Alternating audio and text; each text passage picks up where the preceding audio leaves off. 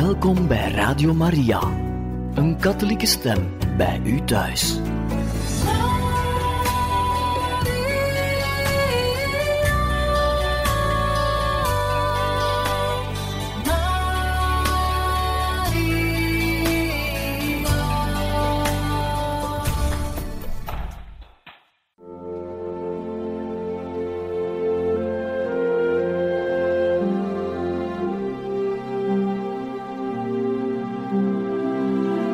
Beste luisteraars van Radio Maria, welkom bij het programma Catechismus. Een overweging bij de geloofschat van de kerk.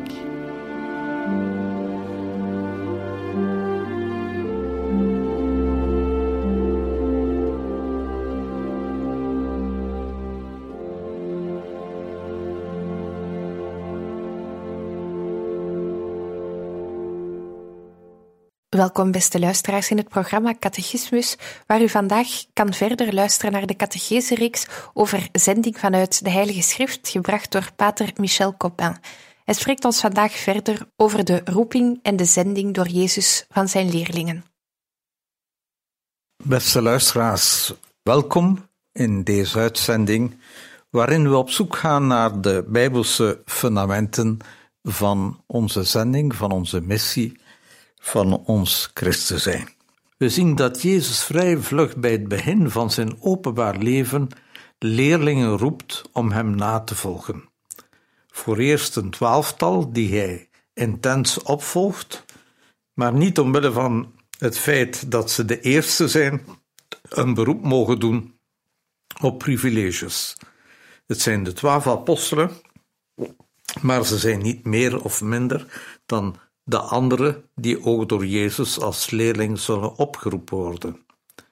Centraal staat de opleiding, de vorming, de navolging, niet de chronologische belangrijkheid. Een hoofdstuk later vermenigvuldigt hij de zending naar een veelvoud van de twaalf en zien we hem 72 leerlingen uitzenden met dezelfde zending, dezelfde opdracht en dezelfde opleiding. Dat wil zeggen dat de zending van Christus dezelfde is voor allen die Hem willen navolgen, door Hem worden uitgekozen en door Hem worden uitgezonden.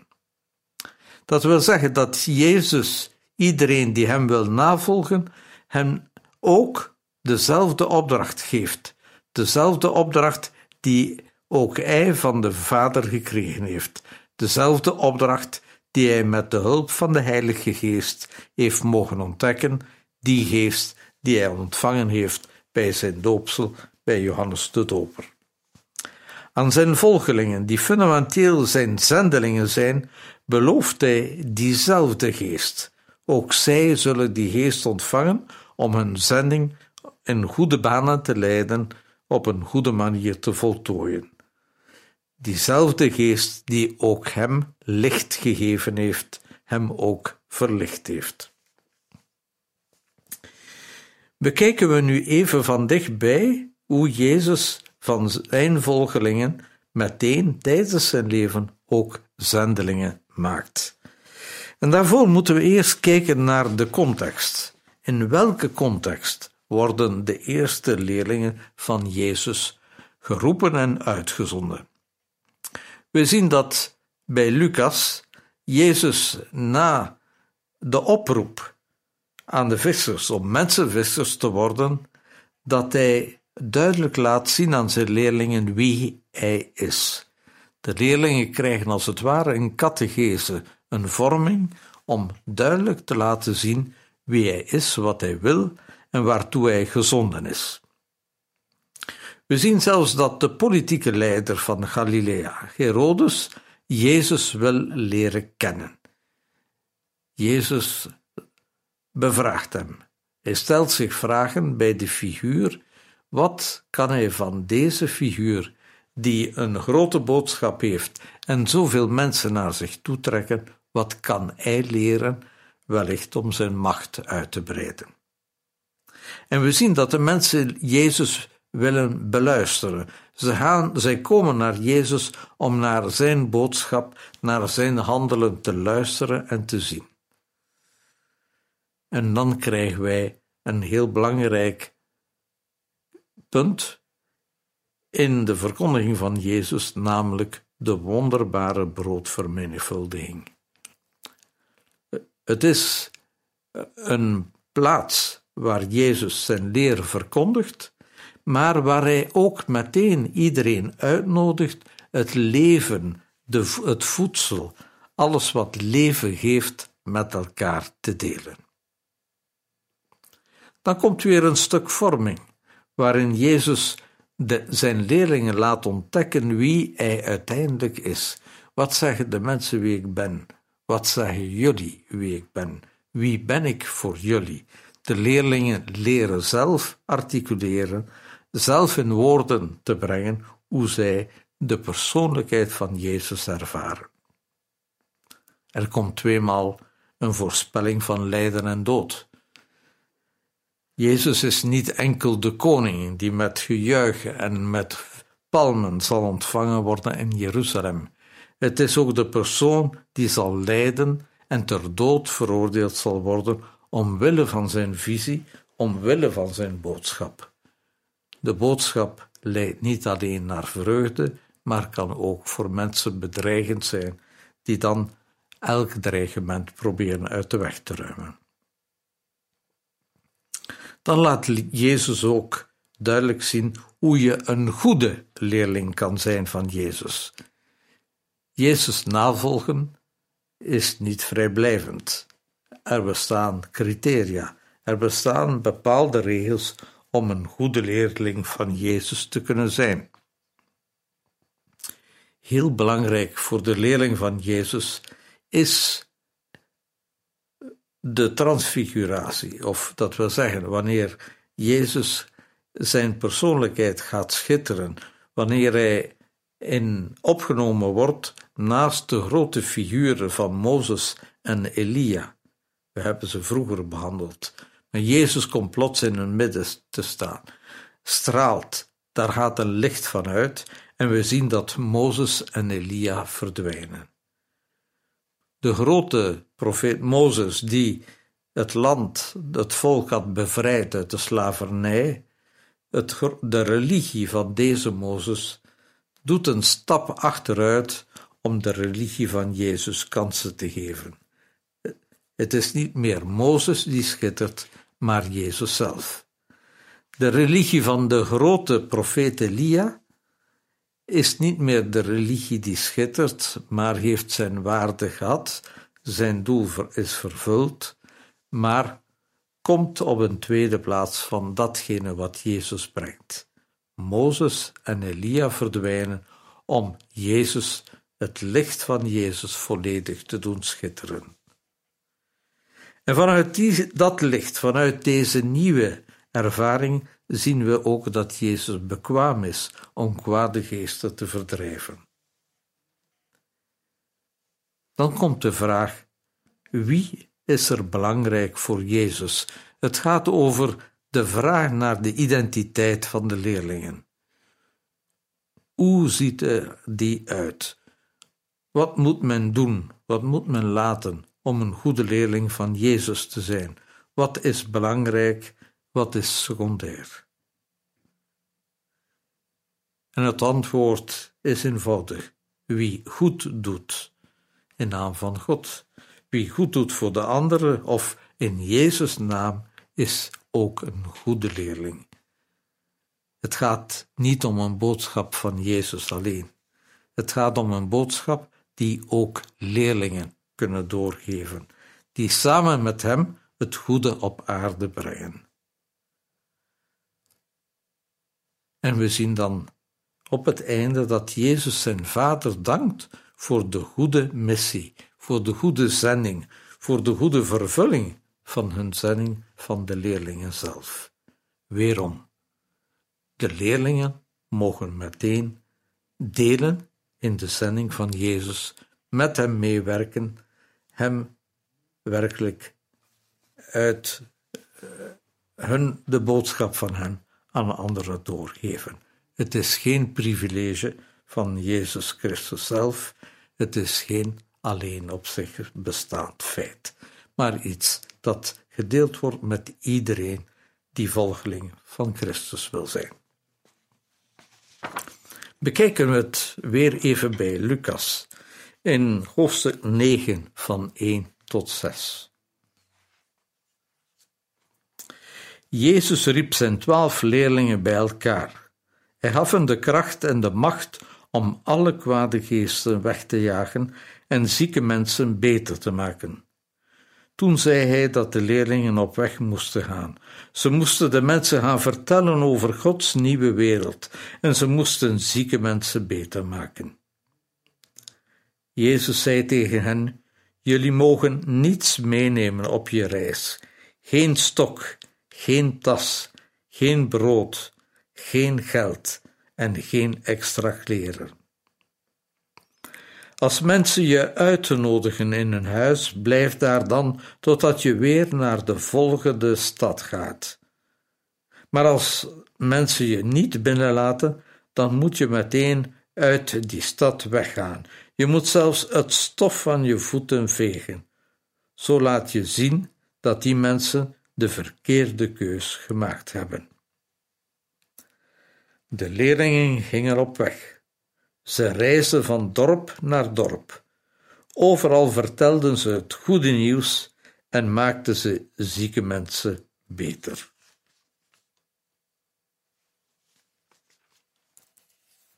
Het gaat hier om de zending van de twaalf.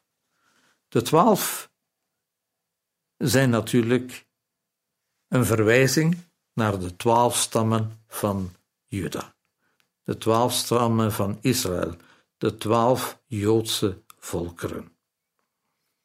De boodschap van Jezus is eerst en vooral bedoeld aan hen. De cultuur en de religie waarin hij zelf is opgevoed, waarin hij zelf staat. Hij laat het duidelijk merken dat het voor hen is.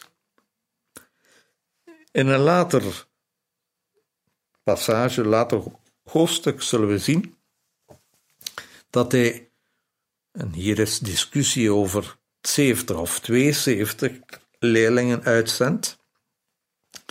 Dat wil zeggen, hier is een verwijzing naar alle oudsten, de oudsten van alle Joodse families. Niet alleen de stammen, maar ook de oudsten. Dat wil zeggen, het zendingsperspectief wordt uitgebreid naar alle volkeren.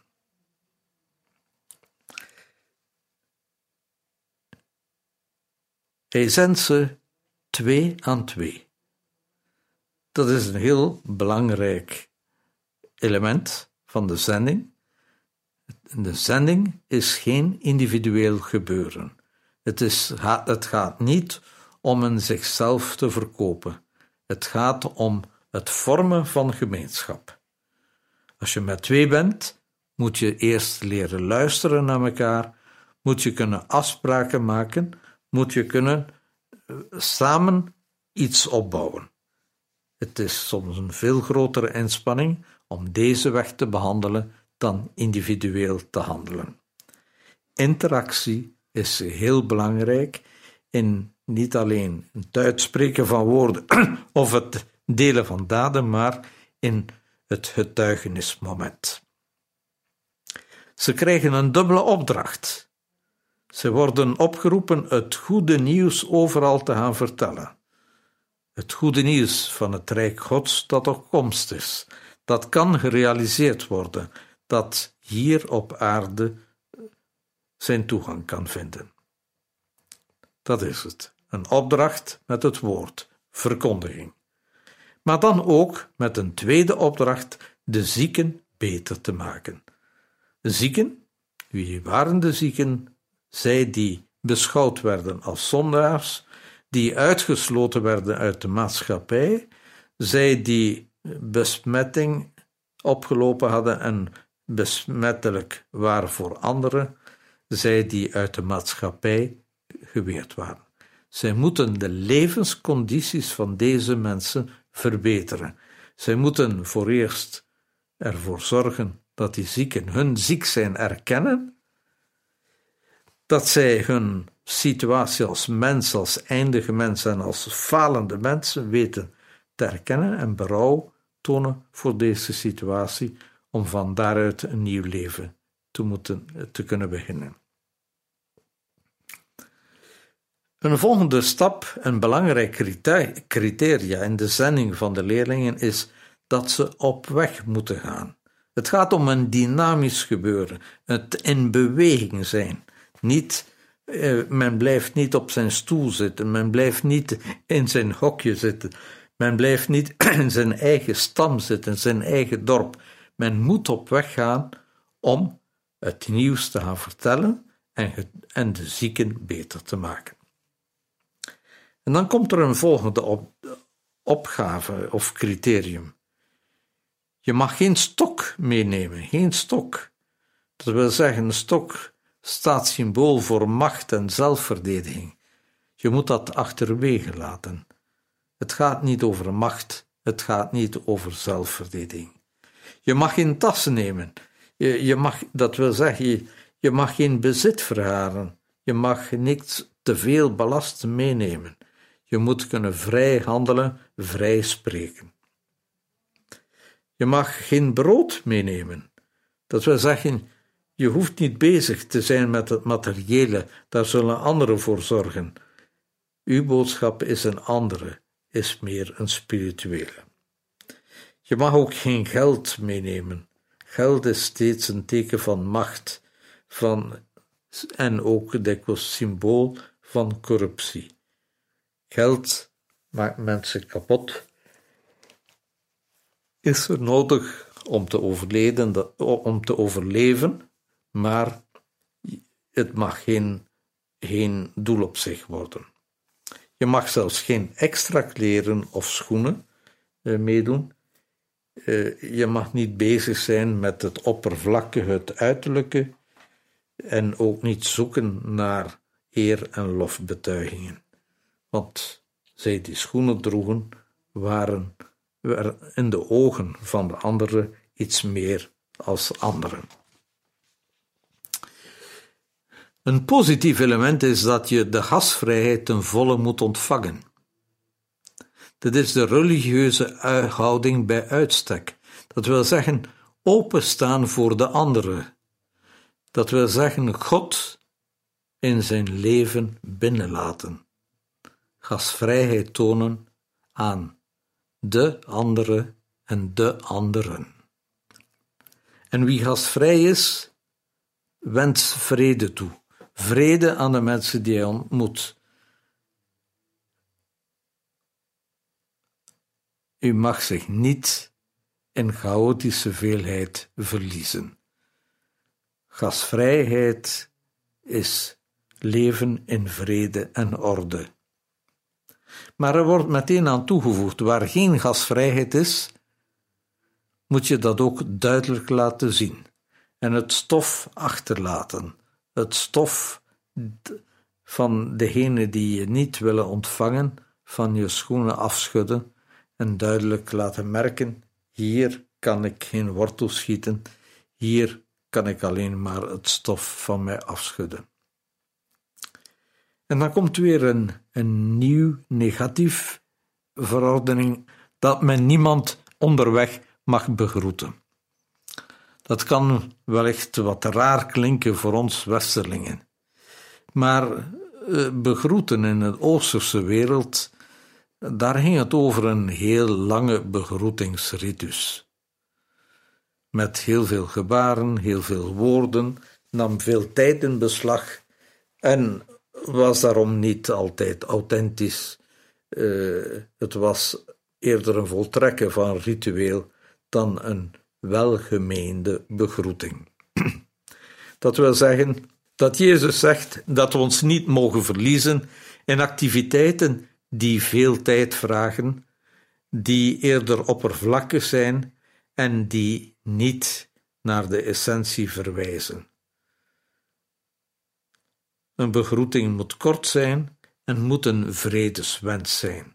Een vredeswens waarbij je de andere wenst dat hij zijn leven kan zien in harmonie met God, in harmonie met zichzelf en in harmonie met de anderen.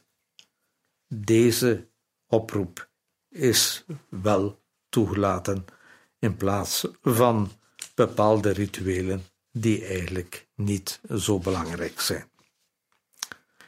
Lezen wij ter verduidelijking nog even het, de tweede zending van leerlingen, van de 72 leerlingen die wij bij Lucas 10 vinden. De Heer koos 72 leerlingen uit. Hij stuurde hen twee aan twee op weg. De gemeenschapsdimensie. Naar alle plaatsen waar hij zelf ook heen wilde gaan. De boodschap is voor iedereen, voor alle plaatsen, zonder uitzondering. Hij zei tegen de leerlingen: Het goede nieuws moet overal verteld worden. Het goede nieuws is voor iedereen, maar er zijn te weinig mensen om dat te doen. Vraag daarom aan God of Hij meer mensen stuurt. Het is God die de mensen stuurt. Het is geen persoonlijke ontboezeming van een persoonlijk verlangen. Het is een zending die van God komt. Dan kan het goede nieuws overal verteld worden. Dat is de bedoeling. Het goede nieuws overal aan iedereen uitzaaien. Ga nu op weg. Dat wil zeggen, weer de dynamiek van beweging. Ga op weg gaan. Niet blijven zitten. Niet bij de pak blijven zitten. Jou niet opsluiten in je eigen wereldje. Maar let op, want het zal gevaarlijk zijn voor jullie net zo gevaarlijk als het voor lammetjes is om tussen wolven te lopen. Ook hier maakt Jezus reeds een voorspelling dat de leerlingen die de nieuwe religie, de nieuwe boodschap van Jezus gaan uitdragen, er zich moeten voorhoeden dat zij zullen vervolgd worden. Zij zullen als lammetjes door de wolven verscheurd worden. Zij zullen als christenen, als volgelingen van christenen, van Christus, eh, voor het gerecht moeten verschijnen, een gerecht die hen zal veroordelen, zal veroordelen zelfs tot de dood toe. En hier weer dezelfde oproep: neem geen geld mee, neem ook geen tas of schoenen en groet niemand onderweg. Jezus zei verder: als je een huis binnengaat, zeg dan eerst: Ik wens dit huis vrede. Als daar iemand woont die vrede wil, dan komt daar ook vrede. Maar als daar niet zo iemand woont, dan komt daar geen vrede. En ga niet steeds naar een volgend huis, maar blijf in het huis waar je ontvangen wordt. Eet en drink wat de mensen je geven daar hebben jullie recht op, want jullie werken hard. Ook daar. Verlies jou niet in de veelheid. Ga waar men u gasvrij ontvangt, blijf daar een tijd en laat de mensen tot jullie komen, want ook zij moeten een inspanning doen om de blijde boodschap te kunnen beluisteren. Als je in een stad komt waar je welkom bent, kun je eten wat de mensen je geven. Maak daar de zieke mensen beter en zeg tegen hen: Gods nieuwe wereld is dichtbij. Weer de oproep om de zieken, zij die uitgesloten worden, zij die als zondaars beschouwd worden, die krijgen de blijde boodschap dat de nieuwe wereld, de nieuwe religie van God, dicht bij hen staat, hen tot nieuw leven zal voeren. Maar soms ben je niet welkom in een stad, dan moet je de straat op gaan en zeggen: We vegen het stof van jullie stad van onze voeten, want jullie hebben de verkeerde keus gemaakt. Maar denk erom: Gods nieuwe wereld is dichtbij. Het stof, het slijk der aarde, datgene wat slaven eh, opgeroepen werden om te, te reinigen, dat die vuilheid wordt dan achtergelaten in een stad die hen, die de blijde boodschap niet wil aannemen. Zij blijven eigenlijk in een vuilheid, in een levenloze materie achter en hebben geen enkel reden tot hoop en groei. Maar denk erom, Gods nieuwe wereld is, is dichtbij. Je hebt de kans om de wereld van God, de nieuwe wereld, de nieuwe boodschap tot de jouwe te maken, tot die van jullie te maken, zodat er een nieuw leven kan ontstaan. Luister naar mijn woorden. Oproep om goed te luisteren. Als God recht spreekt over de wereld, zal hij zo'n stad zwaar straffen, nog zwaarder dan Sodom. Wie eigenlijk op het, op het aanbod van Jezus en zijn leerlingen niet wil ingaan, zal eigenlijk een hele nieuwe leven, een nieuwe elan, een nieuwe energie moeten missen en zal daardoor eigenlijk gestraft worden, zal deze nieuwe kansen moeten ontberen. Zij zullen niet tot volle leven komen, maar in een doodlopend straatje terechtkomen waar de dood hen opwacht.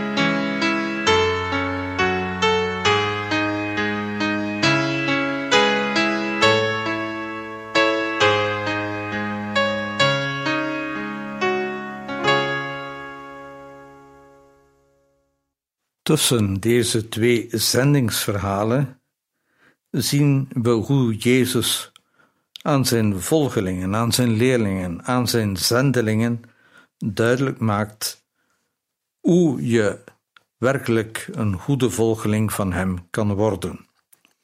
Wij vinden het bij Lucas 9 van vers 23 tot 27. Jezus zei tegen alle mensen als je mijn volgeling wilt zijn, dan mag je niet meer aan jezelf denken. Je moet juist bereid zijn om je leven op te geven, elke dag opnieuw. En je moet met mij meegaan. Als je je leven probeert te redden, zul je het juist voor altijd verliezen. Maar je kunt ook je leven verliezen omdat je mijn volgeling bent. Dan zul je je leven juist voor altijd redden. Jezus zei verder: Stel dat je de hele wereld in bezit krijgt, Wat heb je daaraan als je je leven verliest of als je jezelf daarmee kapot maakt? Als je mijn volgeling wilt zijn, moet je je niet schamen voor mij of voor mijn boodschap, want anders zal de mensenzoon zich ook voor jou schamen als hij terugkomt. Bedenk dat hij zal komen als koning, met de macht van de Vader en de heilige engelen. Luister goed naar mijn woorden. Sommigen van jullie zullen nog tijdens hun leven Gods nieuwe wereld zien. Het gaat hier om de fundamentele ingesteldheden, hoe dat men als leerling door het leven kan gaan. Je mag voor eerst niet meer aan jezelf denken. Je moet niet te veel met jezelf bezig zijn. Je moet gericht zijn op God en op de ander. En als je op God en de ander gericht bent, dan zul je een waarlijk geluk vinden. Je zult bereid moeten zijn om je eigen leven op te geven. Niet je eigen wensen, niet je eigen verlangens staan centraal, maar datgene wat God van ons verlangt. En dat elke dag opnieuw. Het is een blijvende opgave om zich tot God te richten en vanuit deze verbondenheid op stapje te gaan. Je moet met mij meegaan. Jezus trok van mens tot mens, van stad tot stad. En hij nodigt ons uit om met hem mee te gaan. Mee te gaan in zijn verbondenheid met de Vader. Meegaan in dat liefdesgebeuren. Als je je leven probeert te redden, zul je het juist voor altijd verliezen.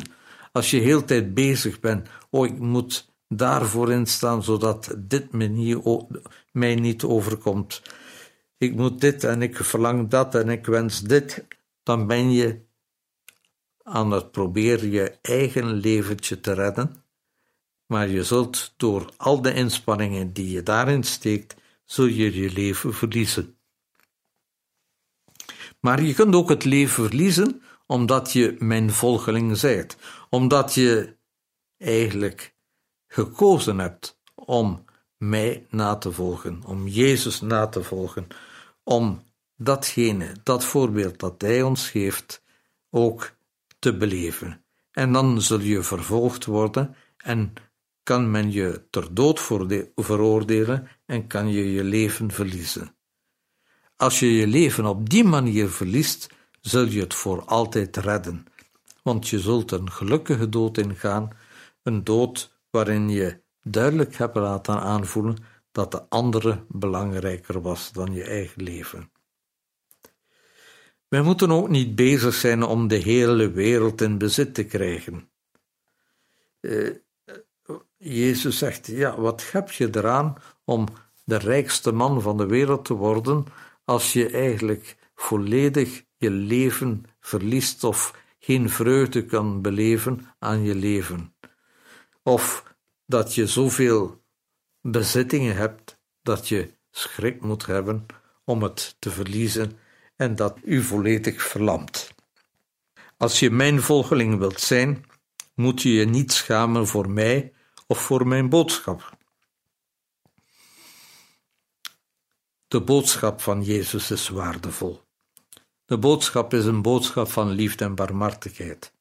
En daar hoef je geen schrik van te hebben. Je hoeft ook geen schrik te hebben deze door te geven, want ze geeft leven aan anderen. Als je je schaamt voor de boodschap van Jezus, dan zal ook Jezus als mens zich schamen voor dat leven waarvoor jij gekozen hebt, wanneer hij terugkomt en zal oordelen over leven en dood. Hij zal terugkomen als een koning. Hier komt weer het beeld van de koning, de koning als goede herder, de koning die opkomt voor het leven, die de liefde van de Vader wil uitstralen. En dan komt ook een voorspelling. Ja, Je moet weten, als je mijn volgeling wil zijn, als je gezonden wil worden door mij en mijn Vader, als je deze boodschap die ik jullie doorgeef uh, wil beleven en concreet maken, is de kans groot dat je zult gevangen genomen worden, dat je zult veroordeeld worden, dat je zelfs als een martelaar zult sterven. Het is ook het leven dat Jezus zelf geleden heeft. Hij werd gevangen genomen, hij werd veroordeeld en stierf aan het kruis. Net zoals Jezus zijn leven heeft moeten geven voor de nieuwe en levengevende boodschap van de Vader, zullen ook zijn volgelingen, leerlingen, onder hen zullen ook de meeste of velen eigenlijk hun leven verliezen. Maar nogmaals, wie zijn leven ver, eh, verliest, die zal het redden. Wie zijn leven probeert volledig te, in hand te houden en zelf alles te bepalen, deze zal het verliezen. Om uw weg te vinden. Vader in de hemel, ik vraag u, zend mij uw geest, dat hij klaarheid brengt opdat ik zou weten wat gij van mij verlangt, dat hij warmte schenkt opdat ik zou luisteren naar uw verzoek, dat hij mij sterkte geeft opdat ik zou aanvaarden wat gij mij opdraagt. Heer, ik durf mij tot u richten als gij mij roept. Help mij dan uw weg te vinden, help me dan die weg te volgen. Ik bid u alleen om waarheid en om liefde zonder einde. Moeder van de goede raad, bid voor mij. Moeder van de schone liefde, sta mij bij. Beste luisteraars, in deze woorden, deze, af, in deze uiteenzetting hebben we geprobeerd duidelijk te maken dat het leerling zijn van Jezus niet begint wanneer Jezus sterft, wanneer het met hem gedaan is. De leerlingen worden zelfs tijdens het leven van Jezus uitgezonden, als het ware als stagiairs, uitgezonden om de blijde boodschap in woord en in daad uit te brengen. Om mensen een bevrijdend woord te schenken en ook wanneer ze ziek zichzelf als zondaar erkennen of door de, uit de samenleving, omdat ze slecht zijn, uitgesloten worden, daadwerkelijke nieuwe kansen te geven, zodat ze hun plaats in de samenleving, in de gemeenschap weer kunnen opnemen. Het is een uitnodiging om ook in ons Christ te zijn, om ons christen zijn te zien als een zending. Wij moeten niet wachten tot wij weet ik veel hoeveel catecheses hebben gevolgd, hoeveel uh, titels of doctoraten wij hebben behaald om Jezus' boodschap door te geven. Wie vol is en die boodschap ten diepste in zijn eigen ziel ervaart, in zijn eigen leven ziet verwerkelijkt worden, wordt opgeroepen om ze ook door te geven aan anderen in woord en daad. Mogen dat de oproep zijn van Jezus tot ons allen. Dank u.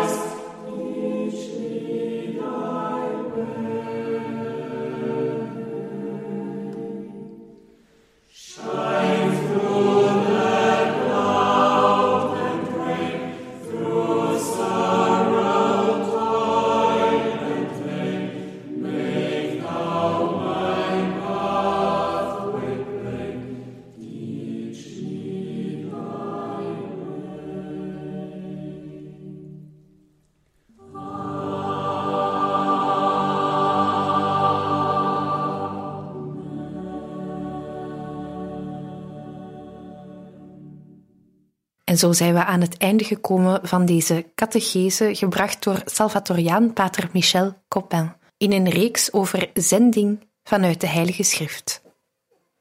Radio Maria wenst u nog een mooie dag toe.